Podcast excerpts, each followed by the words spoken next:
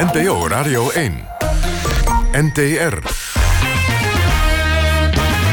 Kwesties met Marianne van den Anker en Rob Oudkerk. Vrienden van de Radio 1, hartelijk goedenavond en welkom bij weer een nieuwe aflevering van Kwesties. Het live debatprogramma van NPO Radio 1, waarin wij brandende en actuele kwesties in Nederland met elkaar bespreken. U kunt live meekijken met ons hier in de bus via Facebook of op radio1.nl. En via Twitter kunt u meediscussiëren. Gebruik de hashtag kwesties. De gemeenteraadsverkiezingen komen eraan, 21 maart. Wij maken 11 uitzendingen over de leefbaarheid in de grootste 140 achterstandswijken in Nederland. Want die leefbaarheid die lijkt de laatste vijf jaar afgenomen, ondanks talloze projecten en enorme hoeveelheden poen die erin worden gestopt. En wat gaan lokale politici doen? Veel beloven natuurlijk. Maar wat gaan ze doen om dat tij naar de gemeenteraadsverkiezingen te keren? Of blijft het bij loze beloften? Vorige week waren we in Zaanstad. De komende weken gaan we naar Heerlen, Den Bosch, Deventer... en een aantal andere steden... om daar vanuit de echte probleembuurten politici, burgers, hulpverleners... en wat dies meer zij aan het woord te laten over de problemen en de oplossingen. En vanavond staan we ook in een hele bekende probleemwijk... Overvecht in Utrecht. Buiten is het 3 graden en binnen is het 12,7 graden, dus warm is het niet. Dit is een van de ongezondste wijken in Nederland... waar mensen veel vaker dan gemiddeld naar de huisarts gaan. Een op de vier kinderen in Overvecht heeft overgewicht... En de helft van de totale bevolking heeft zelfs overgewicht. Daar gaan we zo meteen uitgebreid over praten met mijn gasten hier in de bus. Maar eerst naar collega Marianne. Die zit 22 meter van mij vandaan.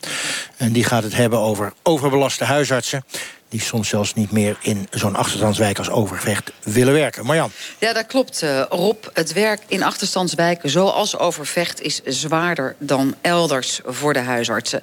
Er is vaak een taalprobleem en de mensen hier in Overvecht zijn ook nog eens een keer zieker dan gemiddeld. En hebben naast dat fysiek ziek zijn ook vaker last van sociale en psychische problemen. Schulden komen daar ook vaak bij en in de familie loopt het niet heel erg lekker. Dus de consulten duren standaard langer.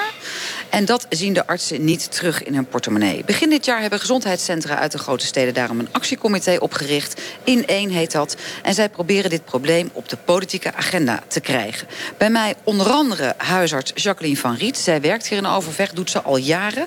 U bent ook een van die huisartsen die aan de bel heeft getrokken. Waarom maken patiënten in Overvecht gemiddeld meer gebruik van u, van u als huisarts? Nou, dat is uh, omdat lichamelijke klachten nou eenmaal niet alleen maar door ziektes komen. Maar, en dat geldt voor iedereen, ook voor mensen die niet in een achterstandswijk uh, wonen. Als je een tegenslag hebt, dan gaat dat gewoon, dat zit niet alleen maar tussen je oren, maar dat voel je in je lijf. En ja, als je tegenslag hebt, gaat gewoon het brein anders werken. En dan kun je het eigenlijk niet meer zo goed alleen. En dan ga je even naar de huisarts dan ga je even naar de huisarts. Hier in Overvecht, erop zei het al, ongezondste wijk van heel Nederland. Dat blijkt ook nog steeds te kloppen. Ook al zullen we straks gedurende de uitzending horen... dat jullie daar met elkaar wel ongelooflijk veel verbeteringen hebben weten aan te brengen. Is het nog steeds zo dat het de ongezondste wijk van Nederland is? Zijn hier dan ook andersoortige ziektes dan in de rest van Nederland? Mevrouw van Riet, huisarts niet zozeer andersoortige ziektes. Maar mensen zijn bijvoorbeeld in mijn wijk... kunnen al op hun 35ste de eerste chronische ziekte te pakken hebben. Terwijl dat in mijn buurtwijk, in een aanpalende wijk... is dat ineens 12 jaar later. Dus sterfte eerder, ziekte eerder... en uh, goede gezondheid duurt korter. Dus je leeft korter in goede gezondheid.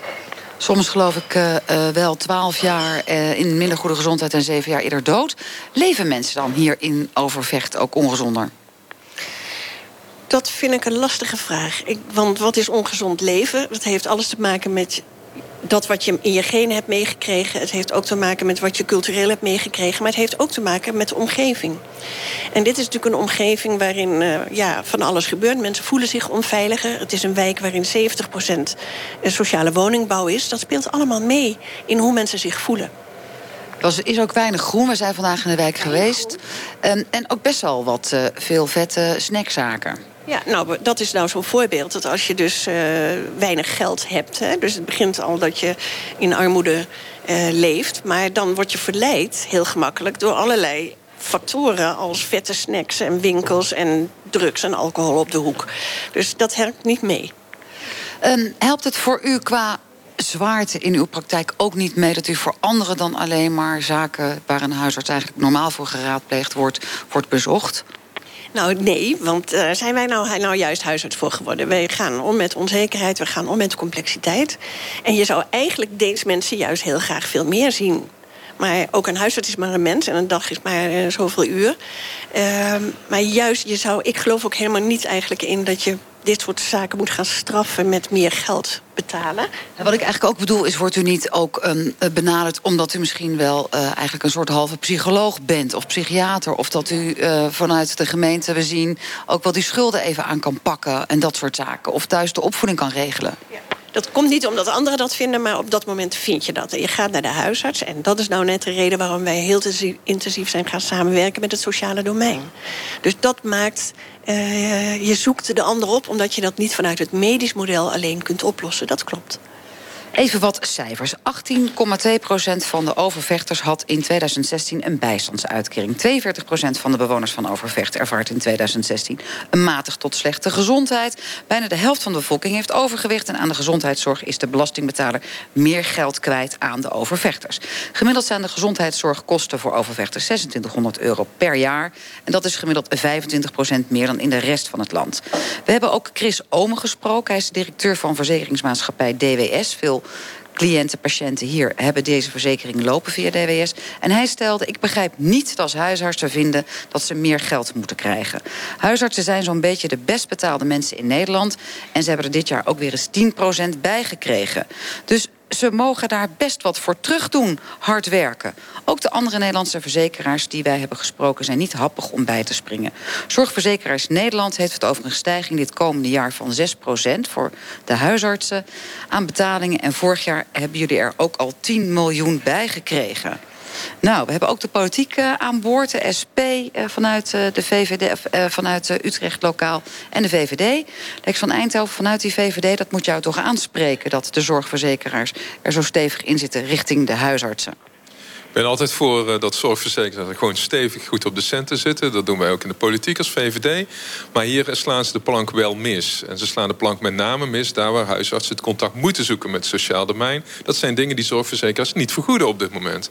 En dat is wel iets wat uh, in ieder geval wat ons betreft uh, over gepraat moet worden. Want daar moeten geen beletsels zitten. Mensen moeten geholpen worden. Want uiteindelijk levert dat gezondheidswinst op voor heel Nederland. Ook voor de kosten van de zorgverzekeraar. Dan betaal je dat toch als gemeente, maak je toch als gemeente gemeenteraad daar de centen voor vrij... als je dat zo belangrijk vindt, Lex van Eindhoven, VVD uh, Utrecht? Ja, maar dan vind ik de zorgverzekeraars zelf lui. Dus ik wil in ieder geval dat het gesprek op gang komt. Uh, dat hier gewoon op een andere manier naar de bekostingssystematiek gekeken wordt. Speciaal uh, in dit soort wijken. Misschien niet letterlijk dit soort wijken, maar wel over dit soort problematieken. Hilde Koelmans, ehm, de zorg die eh, huisartsen leveren staat centraal in dit onderdeel van kwesties. Huisartsen zeggen er moet meer geld bij, want we hebben het nogal druk. En zorgverzekeraars leveren niet. Wat zeg jij dan vanuit de SP, Hilde? Ja, dan lopen hier twee dingen door elkaar heen. Uh, de zorg voor, uh, is inderdaad duur en, en uh, dat is ook dat is heel goed. Um, wat, wat, wat wordt gesteld is dat de huisartsen meer zouden moeten krijgen. Kijk, de huisartspraktijk in zijn geheel moet meer krijgen in dit soort wijken... maar niet per se de huisarts als zijnde huisarts.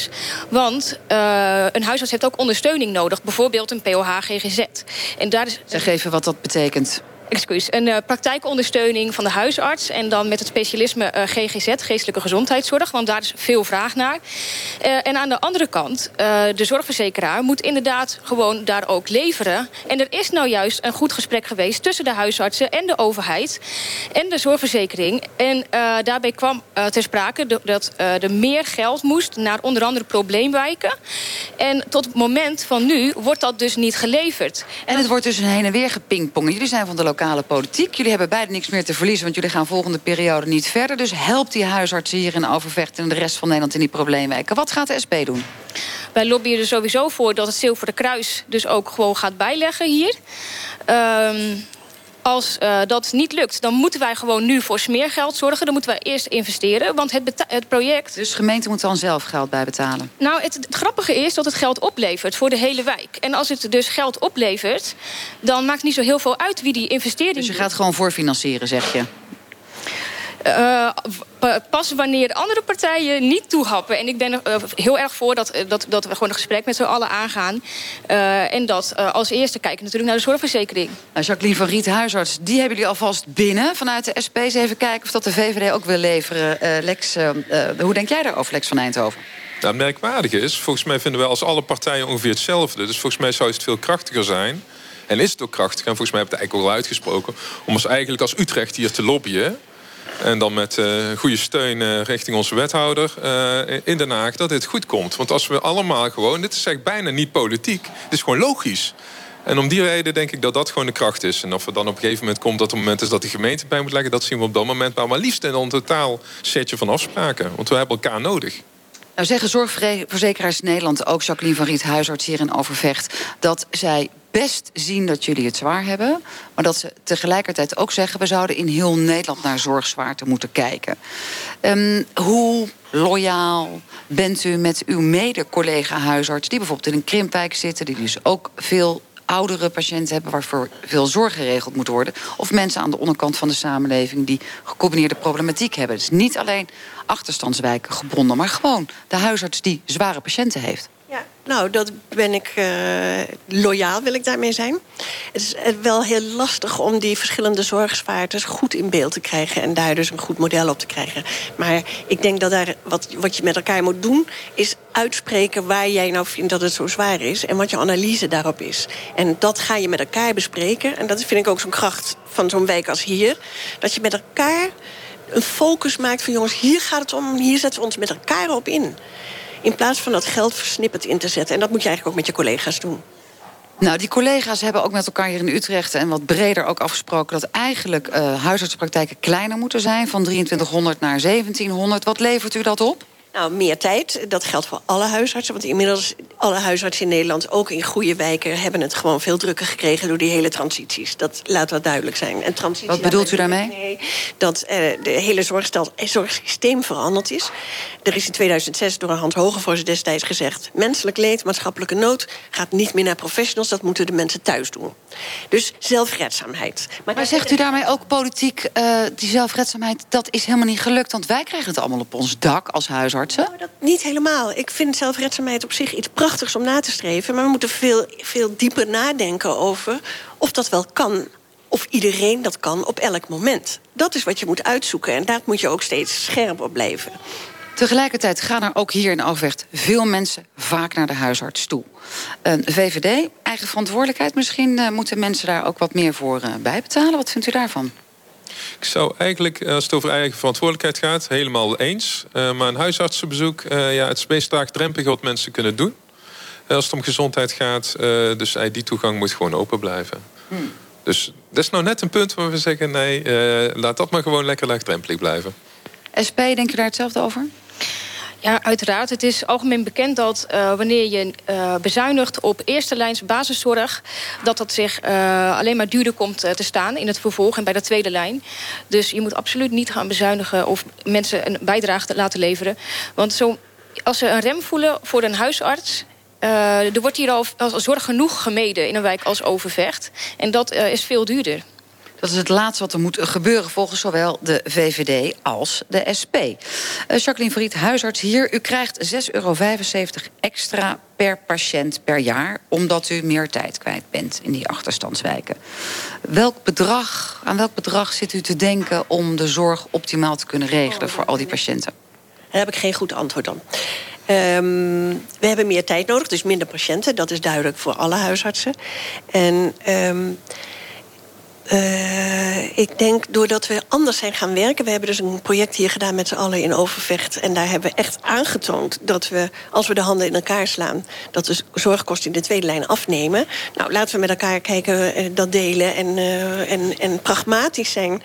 in wat je aan meer geld... ik kan het niet in euro's precies uitdrukken. Hmm. Um, Lex van Eindhoven, VVD, die kijken ook altijd een beetje raal, liberaal naar het leven van mensen... en gedragsstijl is een eigen keuze. Wat is uw verklaring voor het feit dat de mensen hier in Utrecht Overvecht zo ongelooflijk ongezond zijn? Ja, daar heb ik zelf eerlijk gezegd ook niet meteen een verklaring uh, voor. Ik bedoel, uh, inderdaad, ja, het zijn eigen keuzes uh, hoe je leeft. Ja, ja, weet je, het is ook wel enigszins een omgeving waarin je opgegroeid bent. Wat vaak maakt, wat je eerste gedrag is. Hoe je ouders zijn, wat voor eetgewoontes en ja, allerlei andere gewoontes je meegeven. Dat is de basis. En als die basis al niet lekker is, ja, dan heb je in ieder geval al een valse start. En ik denk dat dat met name hier meer speelt dan wellicht in andere wijken, in ieder geval in deze stad. Nou is de VVD ook een partij die eh, is van eh, bonus malus en uh, eigen verantwoordelijkheid. Nou, u zei net al, de huisartsen die kunnen wat ons betreft er ook geld bij krijgen. Liefst moeten de zorgverzekeraars dat betalen en anders misschien de gemeente. U heeft ook al aangegeven dat de eigen bijdrage van patiënten niet omhoog hoeft. Misschien dan nog iets, een, een, een malusregeling. Als je heel ongezond leeft, dat je dan niet meer in aanmerking komt voor zorg. Lex van Eindhoven? Nee, zover zou ik uh, niet willen gaan. Uh, echt niet. Nee, wij, wij, jazeker, je eigen risico, daar, daar, zijn we gewoon duidelijk in. Dus dat, dat is er gewoon. Maar het neemt niet weg. Ja, malus, dat, gaat heel ver. En ja, gaat het hier helpen? Dat zou ik dan ook. Gaat dit dan helpen in een bewijk als deze? Mensen kunnen niet eens betalen op een gegeven moment. Die komen op een andere manier bij ons als gemeente terecht. Dus laat zo zeggen, als gemeenteraadslid zit ik daar niet op te wachten. Nou, dat is een, eh, een helder betoog... wat volgens mij ook eh, redelijk onderbouwd in elkaar zit. Maar misschien denkt de straat daar wel heel anders over. dan hebben we met name afgelopen week gevraagd hier in Overvecht... John Samson heeft dat gedaan... of dat de mensen zelf hier op straat het een goed idee vinden...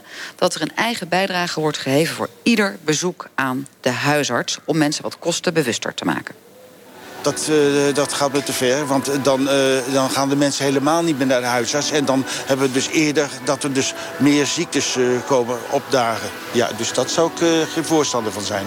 Nee. Afhankelijk van het bedrag zou dat effect kunnen hebben. Als je nu kijkt naar de huisarts, dan hoef je er niet voor te betalen. Maar als ik naar de huisartsenpost ga, dan betaal ik wel iets van rond de 100 euro. En dan denk ik wel meer na van, kan dit wachten tot maandag? Nou, die mensen denken niet dat het te wisselwasje is. Die mensen hebben echt in de hoofd zitten dat ze heel erg ziek zijn. Die heb je ook, hè? Mensen, ja, nee, dat heb je ook. Mijn eigen vader dat gehad. Hij dat, als hij een kuchje had, dan dacht hij dat hij dood ging. Nou, dus je zou maar niet hebben, want hier heb ik een hele hoop gezinnen in, uh, Overweg hebben het niet zo breed. Ik heb ook alleen maar AOW'tje, met geen pensioen. Dus het is voor mij ook een heel, uh, heel bedrag. Daarom ga ik ook niet naar huisarts. Jacqueline van Rieten, ja, die eigen bijdrage, daar gaat het niet van komen. Een malersregeling gaat het niet van komen. We hebben al heel veel dingen besproken. Het laatste punt vanuit u bezien, ook als huisarts. Hoe kun je de eigen verantwoordelijkheid van mensen toch nog beter stimuleren om gezond te leven, gezond te denken, gezond te ademen, nou, gezond te zijn? Dat heeft te maken met echt goed kunnen luisteren naar mensen uh, hun onmacht horen die ze op dat moment ervaren. En dan kun je wel degelijk, als mensen zich erkend voelen... dan staan ze wel degelijk open voor hele verstandige woorden... als dat niet eenmaal niet alles kan. En dat je ook moet begrenzen. En dat er dus geen sprookjes in de wereld zijn. Dan heb je echt goed gesprek met mensen. En mijn ervaring is dat eigenlijk iedereen dat snapt. Alleen daar heb je goede professionals voor nodig. En dan helpt het ook nog als zorgverzekeraars gaan snappen dat jullie daar misschien meer tijd voor nodig hebben. En dat jullie daar meer tijd voor nodig hebben. en ondertussen, voordat we dat uh, uh, helemaal vergeten... gaat de technologie door. En voor het weet zijn we weer tien jaar verder. En we hebben Ajit Bakkas gevraagd vanuit kwesties van... wat gaat er nou gebeuren? De komende periode. Waar moeten we over nadenken? Nou, hij uh, zegt ons, op basis, mede op basis van het boek wat hij heeft gepubliceerd...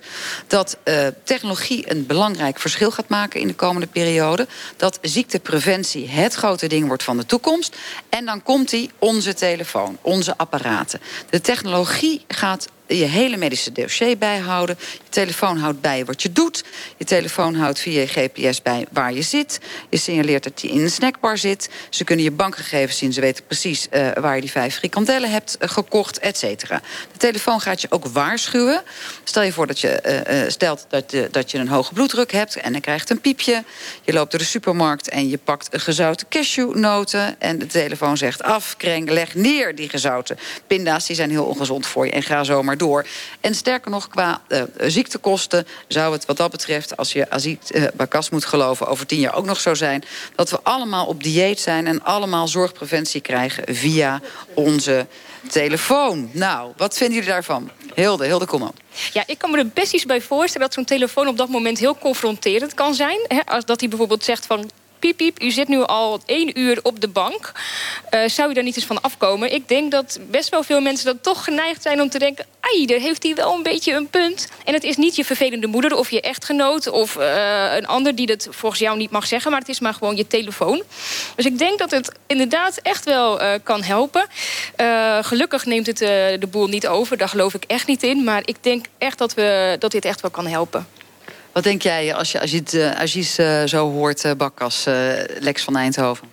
Nou, enerzijds nu ook al zo. Ik zit altijd op een stappenteller te kijken van hoeveel stappen heb ik vandaag weer gezet en hoeveel verdiepingen. Aan de andere kant, ja, met WhatsApp zet ik het geluid uit en ik zie dit helemaal voor me dat dat geluid uitgaat op een gegeven moment. Als ik, want ik ken mezelf. Ik ja, zondig toch wel vaak, om het zo te zeggen. Als we dan uh, Ajit Bakkas uh, uh, een experimentwijk zouden mogen geven... Jacqueline van Riet, Overvecht, hier gaan we ermee experimenteren... met die technologie van de toekomst. Wat denkt u, gaat dat helpen? Ik denk het wel. En ik ben het helemaal met jou eens. Uh, er zijn mensen, als je lekker voelt, dan gaat het helpen. Want dan kom je wel van die bank af. Maar weten is nog geen doen. En willen is nog geen kunnen. En dat is waarom er nog altijd huisartsen nodig zijn. Dat is dus de e-health, zoals er over wordt gesproken, want dat is het, dat, daar hebben jullie wel wat aan, maar het grote controleren en inspireren en aanjagen, dat zal toch echt door de huisarts moeten gebeuren? Yes. En die krijgen steun, in ieder geval hier vanuit de politiek. Uh, er is nog wel een klein gaatje te vereffenen op het financiële vlak. Rob, we gaan terug naar jou, maar niet zonder Jacqueline van Riet, huisarts hier in Overvecht, te danken. Hilde Koelmans van de SP hier in Utrecht. En Lex van Eindhoven, VVD Utrecht. Dit was het. Rob, terug naar jou. Dankjewel Marjan. En de tegeltjeswijsheid hebben wij alweer te pakken. Weten is nog geen doen en willen is nog geen kunnen. En dat was de huisartsenwijsheid van deze zondagavond. De bus staat in Overvecht. Dat is geen nieuws. 34.000 inwoners telt deze wijk. Veel overlast, straatvuil, criminaliteit, multicultureel. Komt echt al jaren negatief in het nieuws. Bij het oude jaar was het ook weer zo dat hier geloof ik voor het eerst de auto's in de fik werden gestoken. En buurtvaders op straat moesten patrouilleren. Veel werkeloosheid, veel armoede. 14% van de overvechters, 1 op de um, 8 ongeveer zou het kunnen zijn, komt moeilijk rond.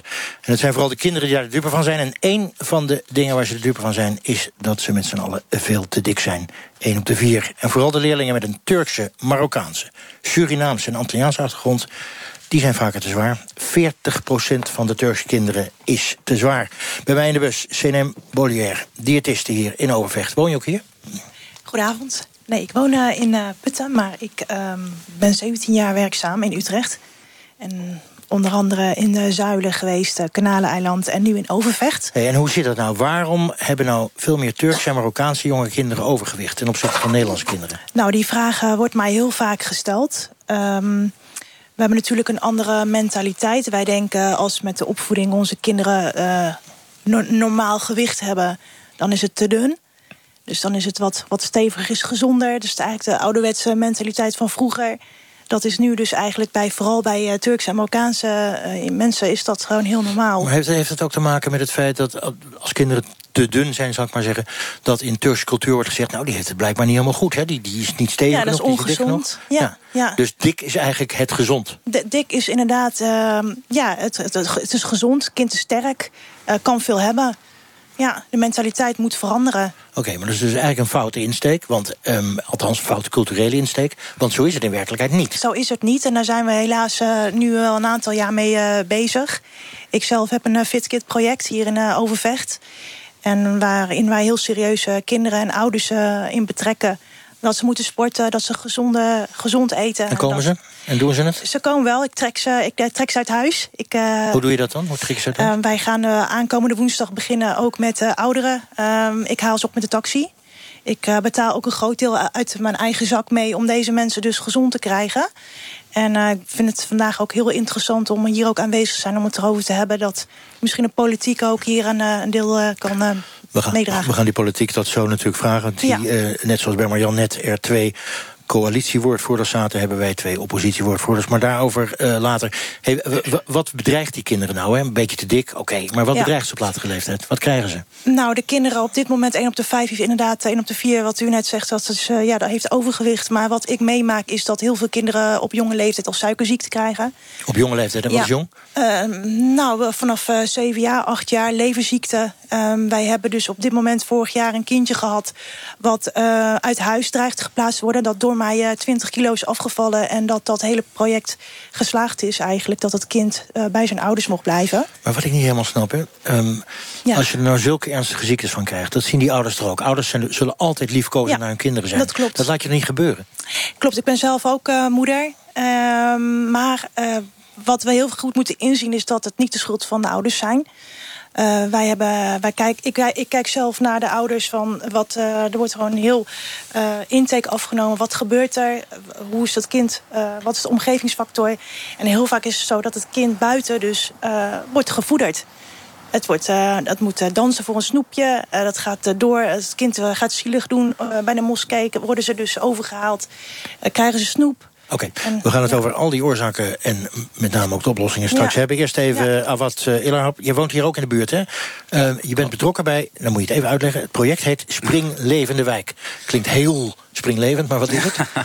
nou, het is inderdaad een project. Het is een, uh, ja, het is, het is een, eigenlijk een project van de Academie van de Stad. En, in samenwerking met de wijk, wijkbureau en de gemeente, gemeente Utrecht worden wij via Academie van Stad ingezet in een bepaalde wijk waar sociale problemen zich afspelen. En uh, we worden ja, eigenlijk begeleid om de sociale cohesie en leefbaarheid in een bepaalde wijk te bevorderen. Dus jij gaat een beetje voetballen met die kinderen bijvoorbeeld? Als dat nodig is om een bepaald doel te halen, doen we dat. Ja. Hey, en, en met dat voetbal, we hebben het net over Turkse, Marokkaanse kinderen. Zie je dan de kinderen die je zou moeten zien, zie je die dan ook? Um, bedoel, in welke zin bedoel je? Nou, in welke zin dat je het natuurlijk met name doet voor die kinderen die te dik zijn, hè, die kinderen ja. die te weinig bewegen. Die moet je hebben. Ik hoor net uh, dat uh, CNM die haalt ze zelfs met de taxi op. Dus hoe krijg je ja. die kinderen daar waar je ze wil hebben? Ja, precies. Um, een thema van ons is inderdaad de kinderen. Dus we, doen verschillende, we hebben één project, dat heet Ibis Kids. En de bedoeling hiervan is dat we verschillende activiteiten organiseren voor de kinderen. Want er ja, eigenlijk in de wijk uh, te weinig aandacht daarvoor, uh, daarvoor is. En daarbij houden we ook een oog voor de gezondheidsthema. We weten het problematiek natuurlijk in Overvecht. Uh, wat wij doen, we hangen heel vaak folders op. bij scholen bijvoorbeeld, bij basisscholen. En helpt dat? Um, niet altijd niet zoals je zou willen, zeg maar. Nee. Maar daarnaast gaan we natuurlijk wel, als je kinderen persoonlijk ziet... dan attendeer je ze erop. Dus dat er dan en dan activiteit georganiseerd wordt. Um, over het algemeen, op een gegeven moment, als je een vaste tijd en een vaste dag hebt... weten de kinderen je wel te vinden. En dan... nou, nou word jij ingevlogen, hey, hier als een soort vliegende brigade om dat te doen. Moeten ouders dat niet gewoon met hun kinderen doen? Komen die wel genoeg buiten met die kinderen? Nee, nee, nee. Um, ik merk gewoon in de wijk waarin ik woon dat, uh, dat ouders niet heel erg betrokken zijn uh, bij de kinderen. En wat ze eigenlijk doen, dat ja, je merkt bijvoorbeeld in de zomer dat kinderen tot heel laat buiten blijven. En zelf heb ik het gevoel dat uh, ja, heel veel ouders eigenlijk niet echt weten wat hun kinderen buiten allemaal doen. Oké, nog een hoop te doen. Dus gaan we zo direct over praten. Uh, ik kondig het al aan, twee politici. Boussa Dibi, gemeenteraadslid voor de PvdA in Utrecht. Ook moeder van twee kinderen trouwens. Je woont hier ook in Overvecht. Weet je, um, 15 jaar geleden luisterde ik naar de radio. En toen hoorde ik van de problemen in Overvecht... en dat daar veel te veel dikke kinderen waren. Wat is er eigenlijk veranderd? Niet veel, helaas. Nee, en dan is... zeg ik meteen, aha... En jij zat in de gemeenteraad? Ja, ja, ja. ja, ja nee, zeker. Dat, uh, het is niet makkelijk. Um, ik hoorde je net zeggen van uh, wat is nou, hè, wat, wat, hoe komt het nou dat die Turkse en Marokkaanse kinderen nou uh, eigenlijk te dik zijn? Uh, het probleem zit hem niet, denk ik, niet zozeer in de projecten. Overvecht, ik woon hier bijna al mijn hele leven. En Overvecht uh, knalt van de, van, van de projecten. Je hebt echt van alles. Zijn er niet gewoon te veel? Nou, dat is één. Ja? Te veel, maar uh, eigenlijk is het nog veel belangrijker om te constateren dat, maar dat is mijn visie, dat ik denk dat al die projecten misschien wel iets helpen, maar niet de oplossing zijn. Uh, wat ik merk bij ouders, en ik kom veel achter die voordeur, is dat ze het gewoon niet weten. Er is zoveel onwetendheid. En ze snappen bijvoorbeeld gewoon niet dat je met de lunch niet frietjes moet eten. Maar wacht, uh, even, wacht, even, wacht even, wacht even.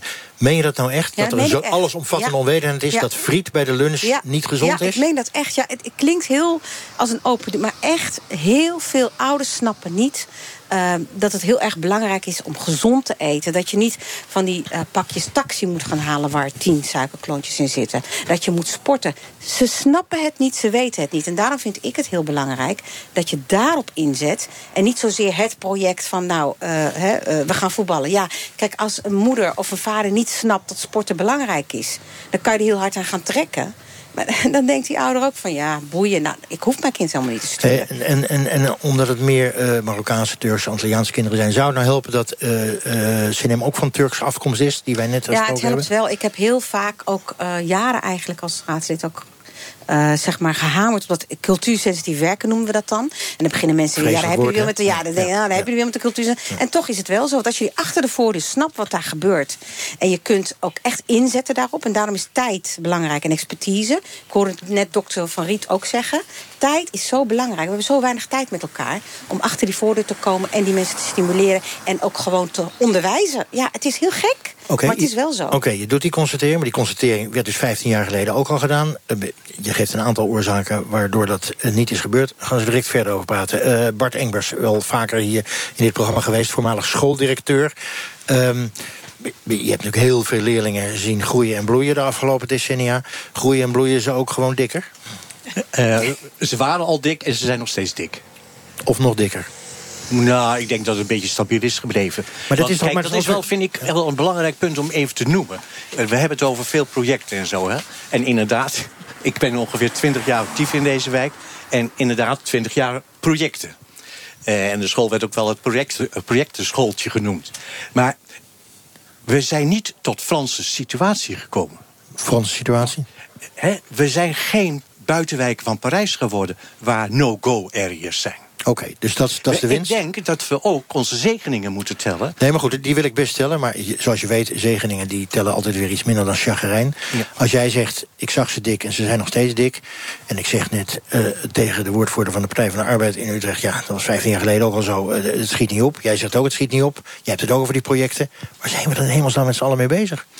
Eh, moet houden, want eh, hoop verloren, al verloren. Eh, Wacht even, die tegeltjeswijsheden hadden we al gehad vandaag. Dus Ja, maar ik ik vind het zo belangrijk. Want ik kan namelijk een heel negatief verhaal ophangen over Overvecht. En ik vind ook dat we dat met elkaar moeten doen. Want we moeten elkaar geen rad voor oog draaien. Dat het een hele ingewikkelde problematiek is. En als zij daar gewoon met haar eh, dieetadviezen en zo de wijk in gaat, nog helemaal groen. En met een taxi enzovoort. Nou, ik heb ze meegemaakt dat jongens die afgestudeerd op een hogeschool met een taxi naar een bijeenkomst gehaald moesten worden om voorgelicht te krijgen hoe ze aan het werk kwamen. Met een diploma hogeschool. Hè? Dat zit zo verankerd in deze cultuur die, waar wij maar niet doorheen komen. En dat hele middenveld is er in deze wijk niet. Ik ben nu eh, verbonden met een voetbalvereniging, de Vechtzoom hier in Overvecht.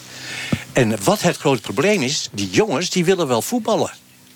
Maar dan ontstaat het volgende probleem. Wie gaat die jongens begeleiden? Dat zijn weer die ouders die allemaal in actie moeten komen. en die niet buiten komen, wat we eigenlijk net al horen. Precies. Maar je zou zeggen, één ouder is genoeg... om eh, tien van de jongens te begeleiden. Of zie ik dat fout? Het gaat bijvoorbeeld over vervoer. Het gaat over het begeleiden op het voetbalveld. Dat doe je echt, eh, moet je ook echt de nodige papa's en mama's hebben. Maar we hebben in Eh, Nederland toch een miljoen vrijwilligers... die dat iedere zaterdag en zondag voor Ja, de maar kinderen dat doen? is juist een probleem in dit soort wijken om die vrijwilligers te krijgen. Oké, duidelijk. Sander van Waveren, de laatste gast die nog niet geïntroduceerd is. Fractievoorzitter van het CDA in Utrecht. Ook al vaker hier in deze bus geweest. Even nou over dit, dat voetbal. Hè? Want jullie pleiten als CDA voor meer eh, mogelijkheden om te sporten in Utrecht. Want er is een gebrek aan sportvelden. En daardoor zijn er wachtlijsten bij het hockeyen en bij het voetbal. Ik geloof 1250 kinderen, als ik goed geïnformeerd ben. Maar in Overvecht, als je daar doorheen loopt... daar is helemaal geen tekort aan velden.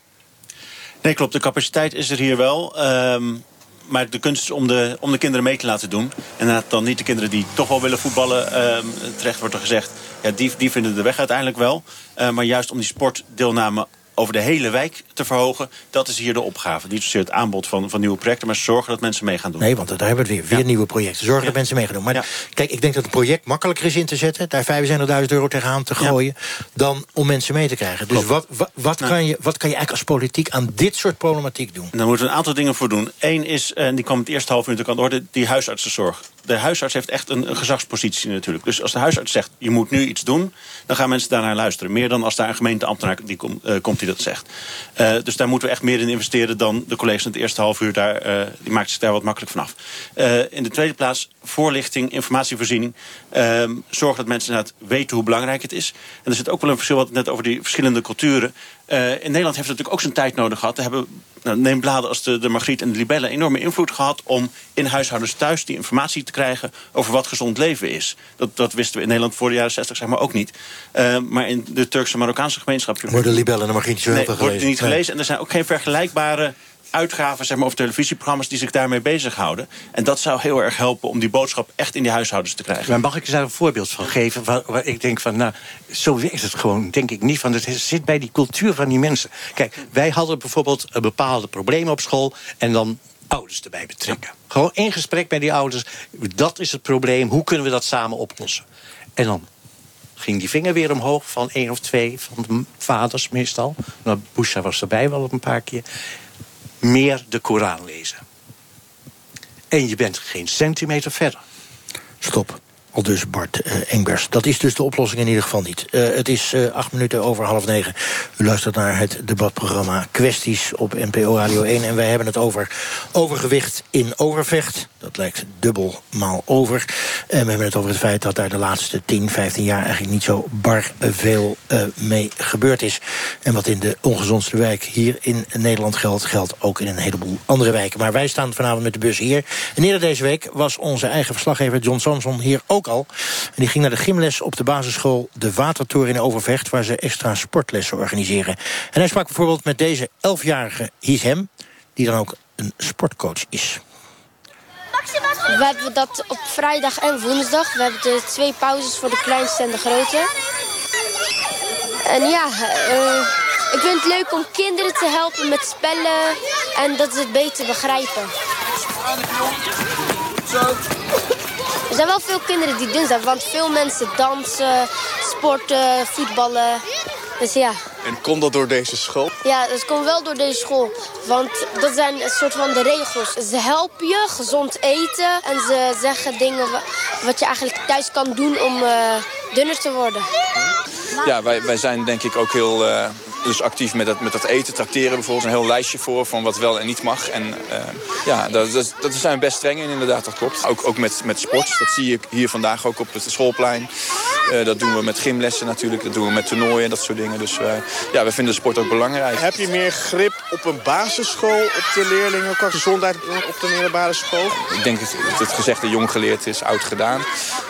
Deze kinderen kun je denk ik daar nog iets in meegeven. En ja, op een middelbare school dan heb je met pubers te maken. Die, dat is toch weer een stukje lastiger, denk ik. En, uh, ja, dus ik denk dat dat wel zo is. Ja. Uh, Bart Engers, uh, even toch jou de duimschroeven aandraaien. Uh, jouw school heeft op een gegeven moment de snoepautomaat de deur uit gedaan. Maar dat was na jouw pensionering. Waar heb jij dat nooit, waarom heb jij dat nooit gedaan eigenlijk? Um, omdat wij dat niet voor elkaar konden krijgen. Maar wacht even, snoepautomaat uit de deur, dat is een kwestie van vier man tillen, weg. Ja, nou, ik kan een voorbeeld van een heel groot sportkantine hier in de buurt uh, vermelden. En uh, die onder leiding stond van onze nieuwe grote trainer FC Utrecht, Jan Paul de Jong. En die ging ervan uit, een gezonde kantine en geen alcohol. Binnen een jaar was het project mislukt. Project, project, project. Je schenkt gewoon geen alcohol en je haalt die verdomde ja, automaten en weg. het is dus niet voor elkaar te krijgen. Hoezo en, niet? Wacht even, wacht even. En, Wij zijn hier met een hoop mannen nee, hier in nee, de nee, wacht even. Wacht even. Waar, waar, wat ik wil zeggen is, er moet draagvlak zijn.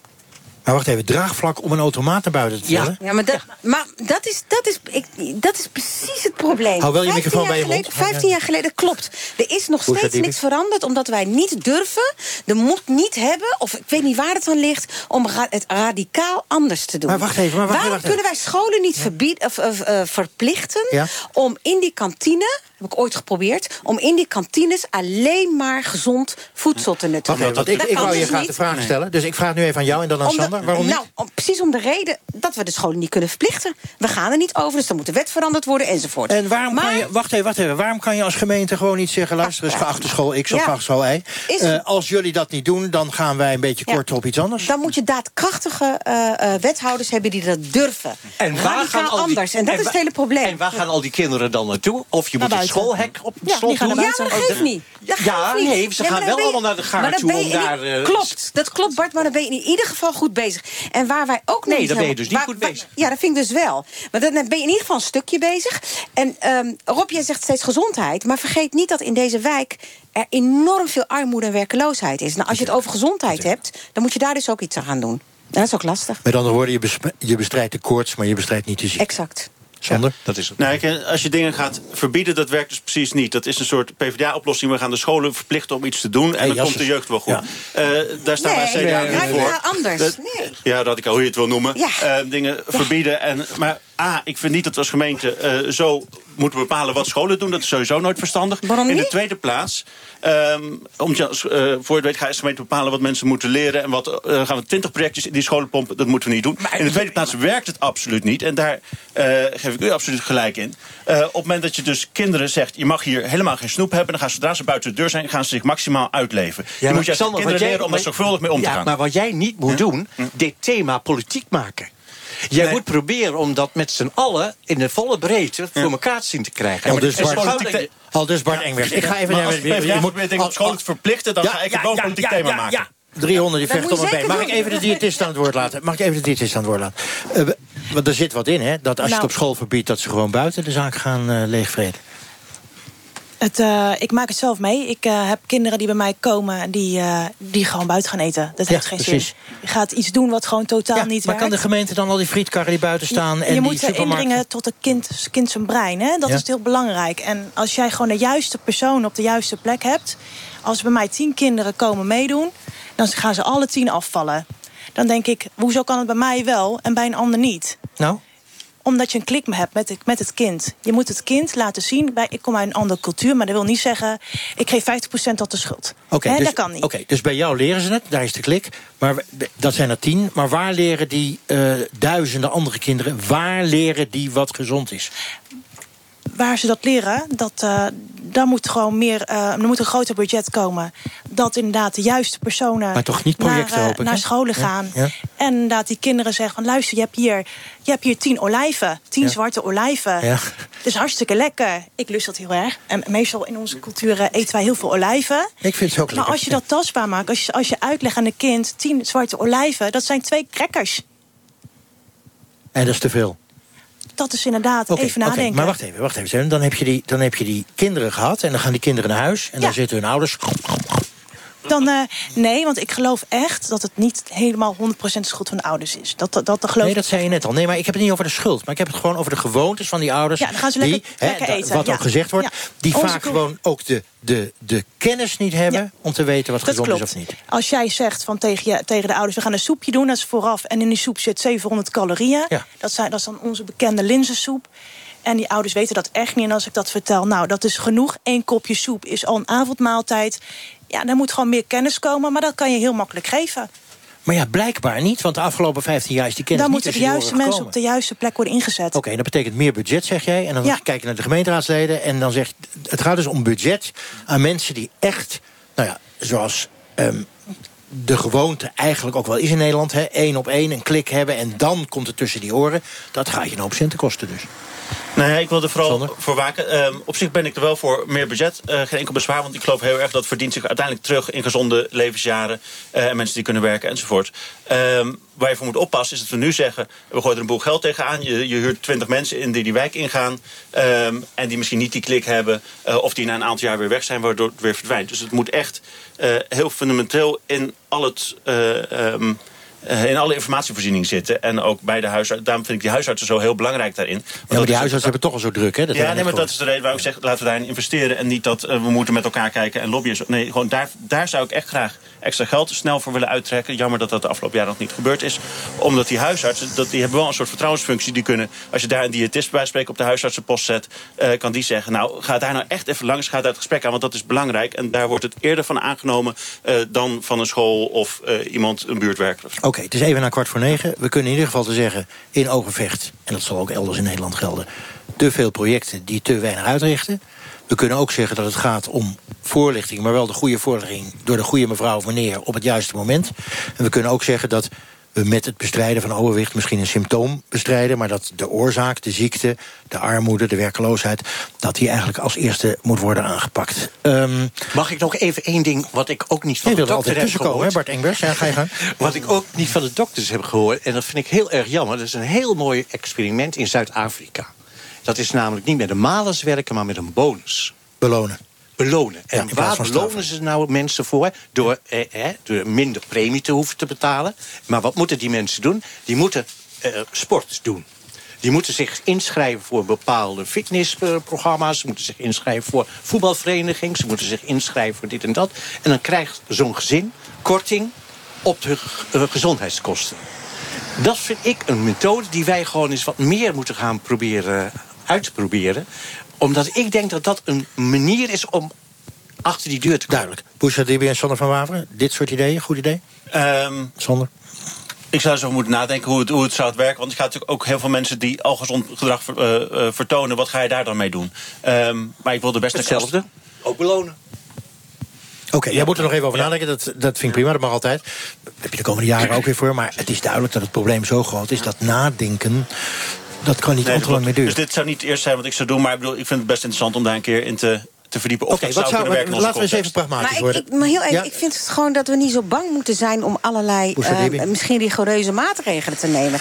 Er wordt gelijk heel verontwaardigd gereageerd als ik het dan heb over scholen. In Frankrijk is het heel normaal om van kleins af aan al hele gezonde producten met elkaar te eten. Ja, en mag ik dan mag en nog dan denk ik, het waarom zijn we in nou... Frankrijk niet geworden maar, zijn? waarom zijn, nee, maar waarom zijn we daar nou zo bang voor? Meer overheidsbemoeienis, daar ben ik bijvoorbeeld ook voor. En, Ja, en dan ik denk ik, als je niet. zo. Nee, dat, dat kan, want jij bent van het CDA. Maar als je ziet in een wijk hoe, hoe ongelooflijk urgent en vreselijk het is straks voor die kinderen die zwaar overgewicht hebben, dan kan je alleen maar concluderen Uit tien jaar dat je focus op veel- overheidsbemoeienis heeft het niet gered. Dat zijn die, die vogelaarwijken, die Dus die projectenmodus. Dus dat is precies moeten wat de PvdA het afgelopen dus jaar gedaan mo- heeft. Ho, stop. dus Anders, moeten we- stop, stop, stop. Nee, Nee, dus nee, ik ga je ook onderbreken. Want jullie maken er weer een politiek debat van. Dat is ook helemaal de bedoeling hoor. In het kader van de gemeenteraadsverkiezingen. Maar ik, ik vraag het gewoon even aan een niet-politicus. Eh Awad, moet de overheid, de gemeente, zich meer bemoeien met mensen met een ongezonde leefstijl? Bijvoorbeeld door te zeggen, er wordt verplicht op school gezond gegeten... kantines de deur uit, allemaal van die impopulaire maatregelen. Wat vind jij? Ja, ehm, ja ik, ik, ik geloof er eerlijk gezegd niet in. Ik Oh. denk dat dit een veel groter probleem eh, is om met eh korte termijn oplossingen te komen. Op het moment dat je het gaat verbieden, dan heb ik ook het gevoel dat je eigenlijk één als gemeente hebt gefaald, maar ook, eh, ook de scholen in dit geval. Want dan zeg je eigenlijk dat, je, dat niet iedereen even aandacht geeft aan het probleem. Eh, in dit geval dat de gemeente, ja, zoals het gezegd is, eh, het probleem groter acht dan de scholen. Ehm, ik geloof, ik vind het, eh, ja, de de manier van Senem spreekt me eigenlijk heel erg aan. Ook wat de anderen eigenlijk hebben gezegd. Dus dat je het probleem bij de kern eigenlijk moet oppakken. Het in dit geval bij de ouders.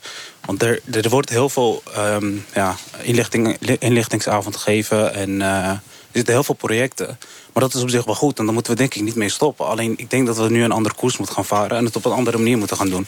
En wat is dan die andere koers en die andere manier? Want dat is natuurlijk, iedereen zegt altijd, zo werkt het niet. Het moet anders. Maar ja, dan kunnen we ook tot 12 uur deze uitzending doorlopen. Ja, anders, wat is anders? Ja, ik, ik zou zeggen echt bij de ouders beginnen in dit geval. Ehm, en ja, om een voorbeeld te geven, bijvoorbeeld, bij- het is dus bij heel veel eh, eettafels heel gebruikelijk dat een, dat een vader of een moeder tegen, eh, tegen de kind zegt: nou, Je mag pas weg als je bord leeg is. Maar ja, wa- waarom moet de bord per se leeg? Als iemand vol zit, dan zit hij vol. En dat, heeft, dat is heel goed bedoeld. Maar het is zeg maar een iets wat uit onwetendheid komt. Maar het pakt van de verkeerd ouders. uit. Nou, eh, ik, ik ga toch even naar een paar pragmatische oplossingen. In be- be- huisarts Jim de Vos zegt bijvoorbeeld dat gemeenten zuinig moeten zijn met het geven van vergunning aan een frietkraam voor een basisschool of in een achterstandswijk. Wat, wat is daar, vraag ik maar even aan de beide politici, wat is daar zo moeilijk aan? Eens, logisch. Doen. Niet, niet doen, niet die vergunning afgeven daar. Ja, en is dat in Utrecht al gebeurd? Niet dat ik weet uit mijn hoofd. Nee, maar, maar dan zitten we hier in Overvecht, al 15 jaar deze problemen. Ik kom met een heel eenvoudige oplossing, is trouwens niet van mij, maar van huisarts Jim de Vos. Klaar. Waarom doen jullie dat niet? En volgens mij wordt die, ik weet niet in Utrecht waar de frietkramen buitenscholen staan. Goed, mijn dochter is pas drie, dus ik, ik heb zelf nog niet een kind in die leeftijd. Althans, die loopt nog niet zelf de kinderdagverblijven uit naar de Nee, maar het wordt niet gedaan. Maar het ik wordt zie- niet, ik we zie hebben het het wel ook eens niet. voorgesteld. Dat is bijvoorbeeld Wordt wat we gedaan. afgeschaft hebben. Hè? Er nooit meer een frietkraam voor de poort van de Mag ik school. Die staat er toch niet? Nee, nee, nee. precies. Nee. Nee. Nee, maar het is Ja. Senem? Ik wil even kort wat, ze- wat zeg hierover. hoor. Ehm, ik denk niet dat dat probleem dan wordt opgelost. Want ik heb twee maanden terug een student gehad. Die had een onderzoek gedaan. Bij, eh, zij studeerde gezondheidswetenschappen. Dat, zij belde mij, ze had onderzocht dat eh, afslankprogramma's... dat op dat moment op tv kwam... dat dan mensen meer gingen snacken. En dat is echt ook aangetoond. Ik denk ook in dit geval gaat het gewoon niet werken. 80% van de mensen die op dieet zijn, van maandag tot vrijdag gaat het goed, is het weekend, holé, komt al die drie kilo er weer aan. We moeten gewoon anders gaan denken. Goed, maar je zou dus eigenlijk kunnen zeggen dat we met z'n allen, dat willen we natuurlijk niet bewust doen, maar dat doen we onbewust, de kinderen een beetje verwaarlozen. We hebben vanmiddag um, uh, in de buurt hier gevraagd dat of mensen denken dat kinderen in deze buurt, wat dat betreft, worden verwaarloosd. Ja, zo, zo zien ze dat. Ja. Die kopen alles voor hun. Toch? Oh ja, eigenlijk, er is eten thuis, maar dat willen ze niet eten. Ze houden gewoon van, je weet toch, noedels, 30 cent en die rest. En dat kopen hun ouders voor hun. Ja. Maar ik denk wel dat het goed gaat komen als ze een beetje volwassener zijn. Dus een beetje aan hun lichaam denken, fitness. En... Ik ben niet dik, toch? Ik denk dat uh, door te zeggen dat je kinderen verwaarloost als ze dik worden... dat dat een beetje nou ja, zwart-wit is. Dat uh, vind ik wat te sterk woord. Ja, ik denk niet dat dat het geval is. Ik denk dat het best wel meevalt, dat het ook een beetje aan de statistieken ligt. Is misschien ook wat andere eetgewoontes en zo. Maar een beetje dik, uh, als je jong bent, is ook helemaal niet zo erg. Dat sport je er weer kwijt met sport. Ja. Als ik bij mama thuis kom, dan uh, eerst wat ze zegt is... Uh, je moet wat eten. maar ik was vroeger wel altijd heel erg dun, hoor. Ja, en eten is in sommige culturen gewoon ontzettend belangrijk. Dat is echt voor de saamhorigheid, gezelligheid. Dus ja, ik kan me wel voorstellen dat dat een steentje bijdraagt aan het dik worden. Hebben jullie kinderen? nee, dat nog niet. Maar we zouden ze niet vetmesten, hoor. Geloof mij nou. Niet vetmesten dus, nee. Um, en geen echte verwaarlozing. Nou, dan is het misschien liefdevolle verwaarlozing. Even um, naar toch wat, wat rigoureuzere stappen. Uh, Boescha en Sander. Um, overal in Utrecht, uh, Sander, zijn wachtlijsten voor sportclubs. Niet in Overvecht. Veel kinderen.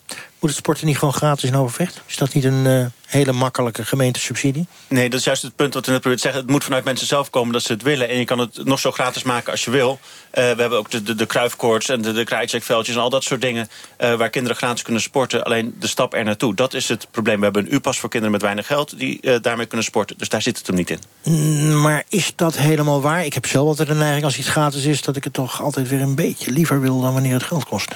Dat ligt misschien aan jou erop. Ja, dat kan aan mij liggen. Maar ik geloof dat de gemiddelde Nederlander wat dat betreft... Een heleboel dingen niet, maar nee, dat betreft wel op mij het, lijkt. Het commitment, als je ergens uh, voor betaalt en je bent lid van een club... Uh, dan ga je er ook voor en dan, dan blijf je er ook voor gaan en dan kom je terug. Als iets gratis is, ga je er ook achteloos mee om. Nee, dat geloof ik niet. Dat, dat geloof ik niet. Oké, okay, nee. we gaan er geen uh, debat nee. van maken. Even nog iets anders. Ja. Uh, lokale overheid zou voedselbanken bijvoorbeeld uh, kunnen voorzien... of moeten voorzien en verplichten van alleen gezond eten. Nee, dat, nee daar ben ik niet voor. Nee, okay. dat vind ik dan weer... Oké, okay, dus we hebben, al twee weten... keer, we hebben al twee keer wat we niet doen. Ik vind het prima. Uh, goede, duidelijke afspraken met scholen. Met andere woorden, je gaat die kantine eruit gooien... en anders krijg je iets anders niet. Um, nee, ik, denk, ik zie scholen in Utrecht daar echt al enorme stappen op zetten. Die, die doen al heel veel. Uh, dat hebben we vanuit, hoeven we ze vanuit de gemeente niet uh, te verplichten. Bovendien vind ik niet dat je als gemeente uh, je zo met moet bemoeien met wat scholen doen. Daar gaan ze zelf over. Busha?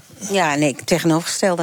Ik vind dat je dat juist wel moet doen. Als je ziet wat de problematiek hier is, dan Waar moet je, als... Dan? dan moet je, nee, dan moet je als overheid, uh, in dit geval gemeentelijke overheid, echt ingrijpen. Als scholen die, ik zie genoeg kantines waar kroketten, kroketten in zou liggen. Hoe dan? Dat moet gewoon. Hoe bedoel je hoe dan? Hoe ga je ingrijpen in die scholen? Wat ga je, waar ga je ze op korten of hoe ga je ze aanpakken? Nou, korten hoeft niet. Volgens mij kan je dat gewoon met afspraken doen. En als je het kan verplichten, kan. Uh, dan moet je dat doen. In Amsterdam gebeurt het al, hè? Je... In Amsterdam gebeurt het ja, al. In Frankrijk ja. ook. En je kan het niet verplichten. Is helemaal niet. Nee, maar ja, goed, dat is een ander verhaal. Dan en moet wie je zegt dat de kinderen die kroketten eten te dik zijn? Misschien zijn dat de dunne kinderen.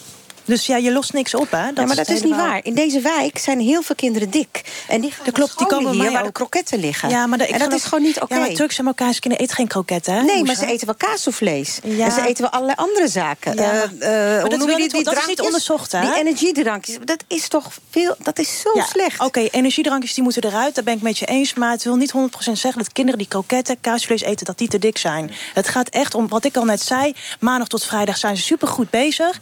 En dan is het weekend, bam, Okay, kilo eruit. Duidelijk. Sander, als ja, wat ik ook heel lekker. Ver, verbieden op het moment dat de optie op school er niet is, leer je dus ook niet de verstandige keuze maken. En daar gaat het om. Ze moeten juist die balans kunnen kiezen. Ja. Stop.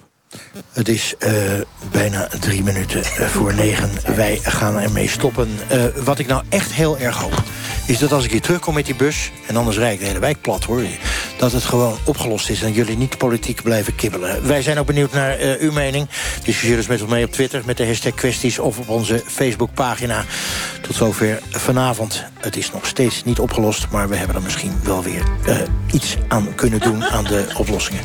Volgende week zondag zijn we ergens anders in het land... een andere brandende kwestie. Zometeen Radiodoc met de documentaire Operatie Huisvader. En het gaat over een ex-soldaat met posttraumatische stressstoornis. Als u trek heeft gekregen, kroketjes, kaassoufflés, energiedrankjes... dan zou ik zeggen, laat dat vanavond eens een keer zitten. En zeg dat ook tegen uw kinderen. Ik wens u een prachtige zondagavond verder en tot volgende week. NPO Radio 1. Nieuw in 2018. Elke ochtend van half tien tot half twaalf. Guilaine Plag met Spraakmakers. Hey wijfie, wat vier er lekker uit? Ik weet wel wat ik met jou allemaal kan doen. Een gloednieuwe talkshow. Het aanpakken van seksuele intimidatie op straat is symboolpolitiek. Een studio met bevlogen gasten. Lister van Rotterdam van 1 januari weet dat de boete bijna 200 euro is. Ja. Luisteraars die meedenken over de inhoud. En natuurlijk de vertrouwde nieuwsquiz. Het Mediaforum en Stand.nl. Hoe wil je dat in vredesnaam dan strafbaar stellen? Spraakmakers. Elke werkdag van half tien tot half twaalf. Op NPO Radio 1. Het nieuws van alle kanten. Management Boek heeft 15 uitstekende voornemens voor u. De best verkochte boeken van het afgelopen jaar. Actueel, onderhoudend en leerzaam. Kijk op managementboek.nl slash top 15. Specsavers Hoormiete 6. Ja, maar bij de aanschaf van een hoortoestel heb je allemaal van die verborgen kosten. Nou, u draagt alleen zorg voor schoonmaak- en onderhoudsproducten en batterijen. Bij Specsavers krijgt u trouwens ook nog 5 jaar gratis garantie, service en nazorg. Er zijn veel mythes over onze hoorzorg. Het echte verhaal vindt u op specsavers.nl slash mythes. Wij zijn nieuw. Nieuw 10. Wij lenen geld aan bedrijven. Helemaal digitaal. Duidelijk, simpel, snel. Van 20k tot 1 miljoen euro. Van bakkersketen tot techhelden. Als ondernemer weet je binnen 15 minuten of je het geld kunt lenen. Met duidelijke voorwaarden. Nieuw 10. De nieuwe norm in zakelijk leden. Een initiatief van ABN AMRO. Check nieuwten.com. Er zijn veel mythes over onze hoorzorg. Het echte verhaal vindt u op speksevers.nl slash mythes. Hoort het niet alleen goed, u ziet het straks ook weer goed. Bij iLove geen vanafprijs. Eén bril, één prijs. Briljant! Zoals bijvoorbeeld een multipokale bril. Vaste lage prijs, 99 euro. iLove, met 150 verkooppunten dichter in de buurt dan u denkt. iLove brillen. Ik ga naar iLove. NPO Radio 1.